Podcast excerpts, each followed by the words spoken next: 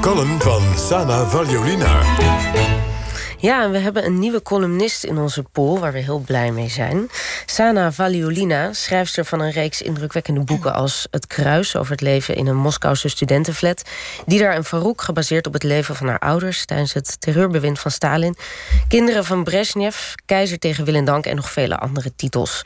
Want ter achtergrond, Sana werd geboren in Estland en is van Tataarse ouders en woont nu al jaren in Nederland. Ja, en Sana, nogmaals inderdaad welkom. Je column die gaat, als ik het goed begrijp, eh, je, hebt in de wandelgangen goed hebt uh, opgevangen uh, over de erfenis van de Sovjet-Unie in het huidige Rusland.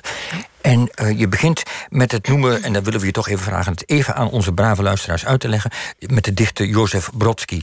Niet bij iedereen helemaal bekend. Kun je even kort uitleggen wie hij weer eens was? Nou, ik wilde al zeggen, niet zomaar Jozef Brodsky, maar de Russische dichter Jozef Brodsky. Eigenlijk, als ik het helemaal aan de alle regels van de identiteit uh, hou, dan zou ik zeggen Joods-Russische-Amerikaanse dichter Jozef Brodsky... die ook nog eens, uh, heel belangrijk, in 1990 de Nobelprijs heeft gewonnen voor zijn poëzie. Toen zat hij al lang in Amerika. Ten jaren 70 is hij eigenlijk het land uh, uh, weggeborzoerd, gevlucht. En vervolgens heeft hij zijn carrière in Amerika vervolgd. En dat is gewoon een fantastische dichter. Maar ja, hij is al twintig jaar dood, dus ja, Niemand kent hem waarschijnlijk meer. Nou, dat nou, valt hij niet weer mee, tot maar- leven. Ja, precies. We zullen hem tot leven roepen. Goed, we zijn heel benieuwd. Eh, mijn column heet Met niets dan hun aangeklede lichaam. De Russische dichter Jozef Brodsky heeft iemand die zich steeds beklaagde over het hem aangedane onrecht ooit aangeraden om die werkelijkheid niet te verlengen. Met die werkelijkheid bedoelde hij het verleden dat die persoon maar bleef pijnigen. Een paradoxaal advies van iemand wiens leven juist in het teken stond van het constante verlengen van het verleden door het te transformeren tot poëzie. Want als iemand geobsedeerd was door de onafwendbare gang van de tijd, dan was Brodsky het wel. Maar anderzijds, wat zou de menselijke geest nog voorstellen zonder het paradoxale? Natuurlijk laat de voorbije werkelijkheid zich door niets en niemand bedwingen. Hij heeft lak aan ons wilsbesluit, verlengt zich naar hartelust en ziet ons voortdurend op de hielen. Mocht de grammatica nog enige redding bieden met zijn voltooid verleden tijd, in het echte leven is alle verleden onvoltooid. Want daarin wordt de toekomst geboren. De oude Grieken begrepen het al. Ze stonden met hun gezicht naar het verleden, weten dat de toekomst zich al achter hun rug aftekende. In wat zich voor hun ogen afspeelde, lazen ze wat er komen zou. Al hun tragedies gaan over het verleden waarin de toekomst ligt besloten. Ook de werkelijkheid waarin ik ben opgegroeid, mijn verleden, verlengt zich uit een treuren, grijpt om zich heen en groeit uit tot vergeten gewaande gestalten, voorwerpen, landschappen, gewaarwordingen. Het duikt onverwachts op en overrompelt mij. Het dringt door tot mijn dromen en laat me soms melancholiek en radeloos achter. Je kunt nog zo hard rennen, nooit zal het Achilles lukken om de schildpad van zich af te schudden. Maar zo langzamerhand ben ik die schildpad ook gaan bewonderen. Het beeldje van het dier prijkt intussen op mijn dressoir als een soort memento mori. Waag het niet te vergeten waar hij vandaan komt.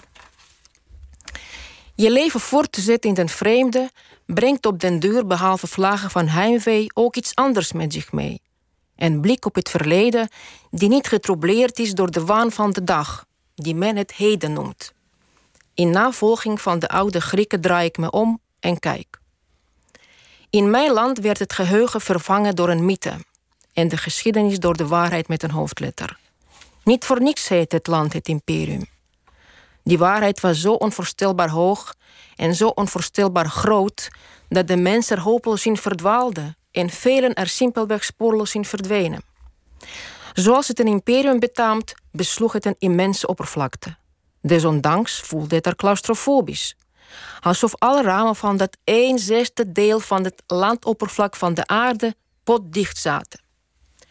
In mijn tijd was er niet veel meer over van de mythe. De vinger die naar de maan had gewezen en die voor de maan werd aangezien, was zwart geworden en zo rot als een mispel. De materie was schaars in het imperium en dat maakte ons, nee, niet beter, niet beter. Maar die leegte zorgde voor een zekere onthechting en een weemoed die ik in den overvloedige vreemde erg ben gaan missen. Opgesloten tussen de ruïnes van het imperium werden we verteerd door heimwee naar de wereldcultuur. We waren bereid om uren in de rij te staan om een glimp op te vangen van de Mona Lisa, die eens het imperium met haar bezoek vereerde. Drie minuten mochten we van staatswegen haar glimlach doorgronden.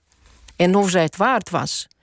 Je kon nog jaren op die glimlach teren in dat onmetelijk ongezellige huis van ons, met smerige toiletten zonder deuren, stinkende trapportalen en haveloze publieke ruimten. De predikers van de waarheid hadden nooit geluisterd naar die meester die op de vraag: Waar kan ik de waarheid vinden? aan zijn leerling vroeg of hij al ontbeten had. Ja, zei deze. Ga dan eerst je bord afwassen, was zijn antwoord.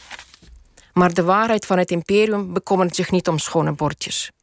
Hij voedt zich met mensen, onverzadigbaar als hij is. Hij moet wel, want zij houden hem levend. Met niets dan hun aangeklede lichaam, beroofd van hun geheugen en hun geschiedenis, lopen, rennen, dansen, beminnen, wachten en dwalen de mensen in de mythische woestenij van mijn verleden dat altijd onvoltooid zal blijven. Ik blijf er gefascineerd naar kijken. Ik duik in hun gezichten en probeer er de toekomst in te lezen die zich al achter mijn rug aftekent.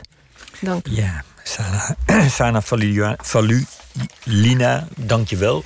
Uh, mooi achterom kijken om beter vooruit te kunnen kijken. Om de eigen tijd onder ogen te kunnen zien. Dat ga je een aantal keren met ons doen. Hier, welkom. Ja, dank, dank voor het